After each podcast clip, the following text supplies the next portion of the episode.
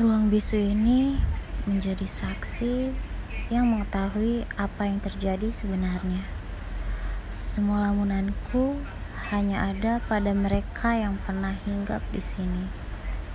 Mereka semua yang berada di masa lampau pernah menjadi sosok baik di hari-hariku dan bahkan aku rela berderai air mata juga waktu yang cukup lama demi melupakannya, melepasnya, dan membiarkannya bersama orang lain. Saat ini ia sudah tiada lagi. Aku sudah tidak mengenalinya lagi. Tak ketemu lagi sosoknya yang dulu.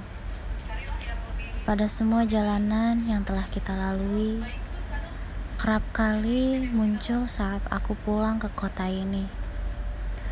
Memori itu mustahil untuk dihilangkan.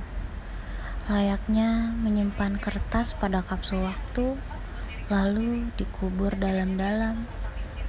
Dan mungkin saja suatu saat nanti kapsul itu akan muncul ke permukaan tanah yang memungkinkanku untuk kupeluk lagi Kuratapi lagi, kutangisi lagi. Cukup sulit untuk melupakannya, namun ini semua cukup sedih, pedih, bahkan perih. Sekian.